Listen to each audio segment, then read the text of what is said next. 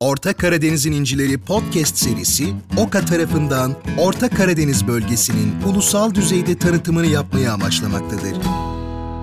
Merhaba sayın dinleyenler. Orta Karadeniz'in İncileri podcast serimizin dördüncü bölümünde mimar ve yazar Sayın Yasemin Dutoğlu'nu konuk ediyoruz. Yasemin Hanım nasılsınız? Teşekkür ederim. Siz nasılsınız? Ben de iyiyim. Çok teşekkür ederim. Ee, o halde başlayalım. Ee, bugün Tokat'ın kültürel derinliğini deneyimlemek konusunda konuşalım istiyorum. Ee, kültür mimariden resme, musikiden edebiyata, giyim kuşama ve yemeğe kadar uzanan geniş bir spektrumu olan bir alan. Siz bir hani mimarsınız aynı zamanda. Tokat e, şehir mimarisiyle ilgili bize ilham verecek, merakımızı uyandıracak neler vaat ediyor sizce?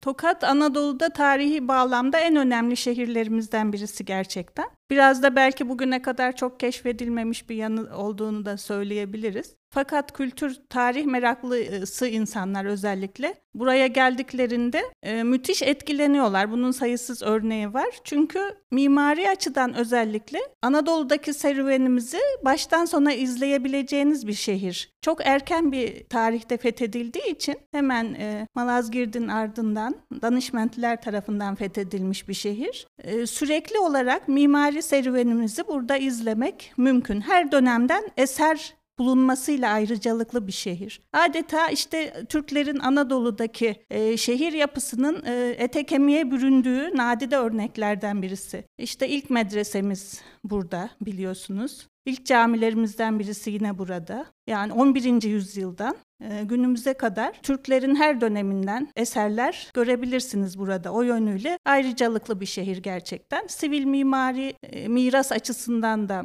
gayet korunarak günümüze ulaşmış sokakları var. Her ne kadar bütünlüğünü koruyamadıysa da ülkemizdeki birçok şehir gibi. Yine de kıyasladığımızda en azından sokak bazında günümüze gelmiş birkaç sokağımız mevcut. Evet, Sulu Sokak gibi mesela. Evet. evet.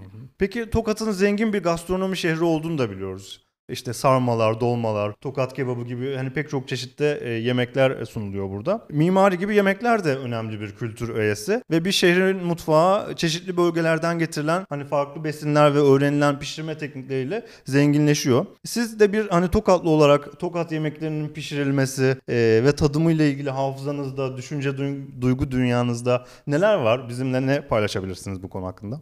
Tokat mutfak kültürü açısından da son derece özel bir şehir. Çünkü bir kere coğrafi nedenleri var bunun. Gayet sulak bir coğrafyada yer aldığı için ve coğrafi çeşitliliği olduğu için gerek ovaları gerek yaylaları, yüksek dağları aynı anda e, bünyesinde bulunduran bir şehir. E, bunun doğal sonucu olarak da ürün çeşitliliği var haliyle. Bu da direkt tabii çok e, zengin bir e, mutfak için altyapı oluşturuyor. Her şey hazır. Bütün aklınıza gelen meyve ve sebzeler bitkiler burada çok rahat bir şekilde yetişir narenciyeyi hariç tutmak kaydıyla tabii. Yani 600 civarında bir rakım ortalama. O açıdan öteden beri çok zengin bir mutfak kültürü oluşmuş gerçekten. Mimaride olduğu gibi bir Türkiye ortalaması diyebiliriz. Yani son derece zengin hem et hem sebzenin bir arada bulunduğu en önemli özelliğini öyle belki ifade etmek yerinde olacaktır. Mesela Ege'de bildiğiniz gibi e, sebze ağırlıklıdır, ot ağırlıklıdır ya da işte Karadeniz'de balık ağırlıklıdır. Hı hı.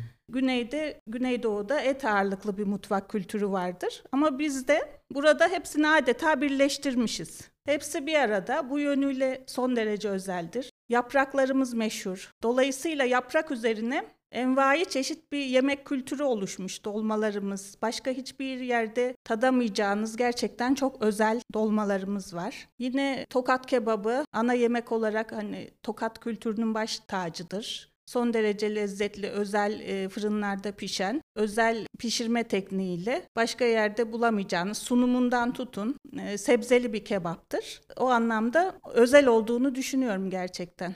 Yasemin Hanım, şehrin bağ kültürü hakkında neler söyleyebilirsiniz? Tokat bağ kültürüyle de gerçekten ayrıcalıklı bir şehir. Ee, geçen yüzyılın yaklaşık sonlarına kadar e, süren e, yerleşik bir gelenek burada yaz aylarını bağlarda geçirmek şeklindeydi. Her ailenin hemen hemen bir bağı vardı. Havaların ısınmasıyla birlikte Mayıs 7'sini mütakiben oraya taşınılır. Neredeyse şehirde hani memurlar, görevlilerden başka kimse kalmaz. Zengin fakir ayrımı olmaksızın Herkes daha geniş, ferah mekanlarda ve bunların çoğunda havuz vardır. Müthiş bir su, su kültürü de vardır. Bütün yaz geçirildikten sonra sonbaharla birlikte tekrar şehirdeki evlere dönülürdü. Ee, şu anda halen artık e, azaldı tabii ki birçok yerde olduğu gibi hayat değişti. Ama yine de belli muhitlerde bu bağ hayatını sürdüren aileler mevcut. Üzüm üzerine kurulu birçok şey işte. Yaprağımızın da öne çıkması, e, yaprağın kalitesi son derece önemli. Artı e, o bağlarda her türlü meyve sebzenin yetişmesi ve o bağda geçirilen sürenin bir yandan keyif e, yapmaya vesile olurken bir yazlık hayatı, bir yandan da kış için yiyecek üretimi noktasında değerlendirilmesi, son derece üretken bir toplum olması insanların çok önemliydi. Aslında bu çok iyi bir örnek. Yani yemeğin kültürümüze neler kattığını ve hayat tarzımızı yemeğe göre nasıl şekillendirdiğimizi gösteren çok iyi bir örnek. Evet, orada işte bir kere üzüm ve şıradan e, başlayarak envai çeşit işte tarhanalar, kömeler, başka yerde e, kolay kolay bu kalitede bulamayacağınız pestiller, e, envai çeşit yine marmelatlar kış için hazırlanırdı. Elma üretimi çok yoğundu. Mutlaka hoşavlar yapılırdı. Meyvelerin cinsine göre dayanıklı olanlar yine kışa saklanırdı. Mimari de bir bütün e, bunun yanında. Evlerde bu üretimi yapılacak şekilde dizayn edilmişti. Her ev aynı zamanda adeta bir endüstriyel mutfak gibiydi diyebiliriz. Kesinlikle abartı olmayacaktır. Yani e, gerek bağ evlerinde gerek şehirdeki konaklarda mutfaklara ek komple bir işte ocak, fırın, kebap ocağı da dahil olmak üzere o işlerin yapılabileceği, kışlık hazırlığın yapılabileceği hayatlar ve iş evleri olurdu. Buraya gelen insanlar da bu sivil mimarinin örneklerini görebiliyor. Görebilirler tabii ki halen onlardan ayakta olanlar, günümüze ulaşanlar var. Çok rahat bir şekilde bunları izlemeleri mümkün olacaktır. Gerçekten hani sivil mimari açısından ahşap işçiliği de dahil özel bir yer burası. Görülmeye değer evlerin özellikleri. Teşekkürler. Mimar ve yazar olarak tanınmakla birlikte gezgin yönünüz olduğunu ve bir gezgin olarak da gezilerinizden önce gideceğiniz yerle ilgili öğrenme sürecine önem verdiğinizi biliyoruz. Sizce e, bir misafirin Tokat'ın kültürel derinliğini daha iyi deneyimlemek için gelmeden önce nasıl hazırlık yapması iyi olur? Hangi yazılı, görsel ya da işitsel kaynaklara başvurabilirler? Son dönemde bayağı hakkında belgeseller çekildi. Onları izlemelerini tavsiye ederim. Nacizane benim kitabım var. Bilmiyorum söylemem doğru olur mu ama. E, ben elbette. şahsen yani gittiğim yer hakkında bir kitap varsa gitmeden önce onu okurum. Hani genel anlamda. Ee, onunla ilgili belgeselleri izlemeye çalışırım veya diğer gezginler o konuda ne yazmış okumaya çalışırım. Onlar önemli ipuçları verir veya oralı bir tanıdığım varsa onunla da irtibata geçerim. Tokat yemekleri için şunu da söylemekte fayda var. Burada en iyisini tokatlı bir dost bulsunlar bence evlerde yerler. Onu söylemekte hmm. fayda var.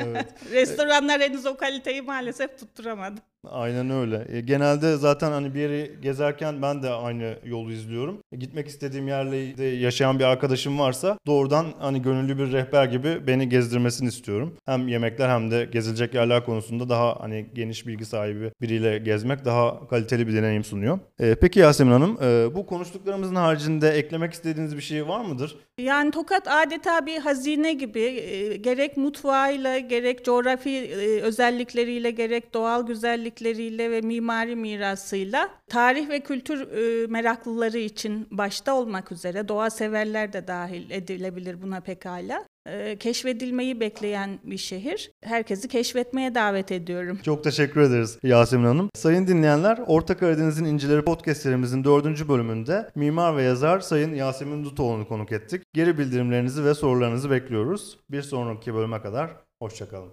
Bu podcast hakkında geri bildirimlerinizi veya sorularınızı info.oka.org.tr e-posta adresini kullanarak bize iletebilirsiniz.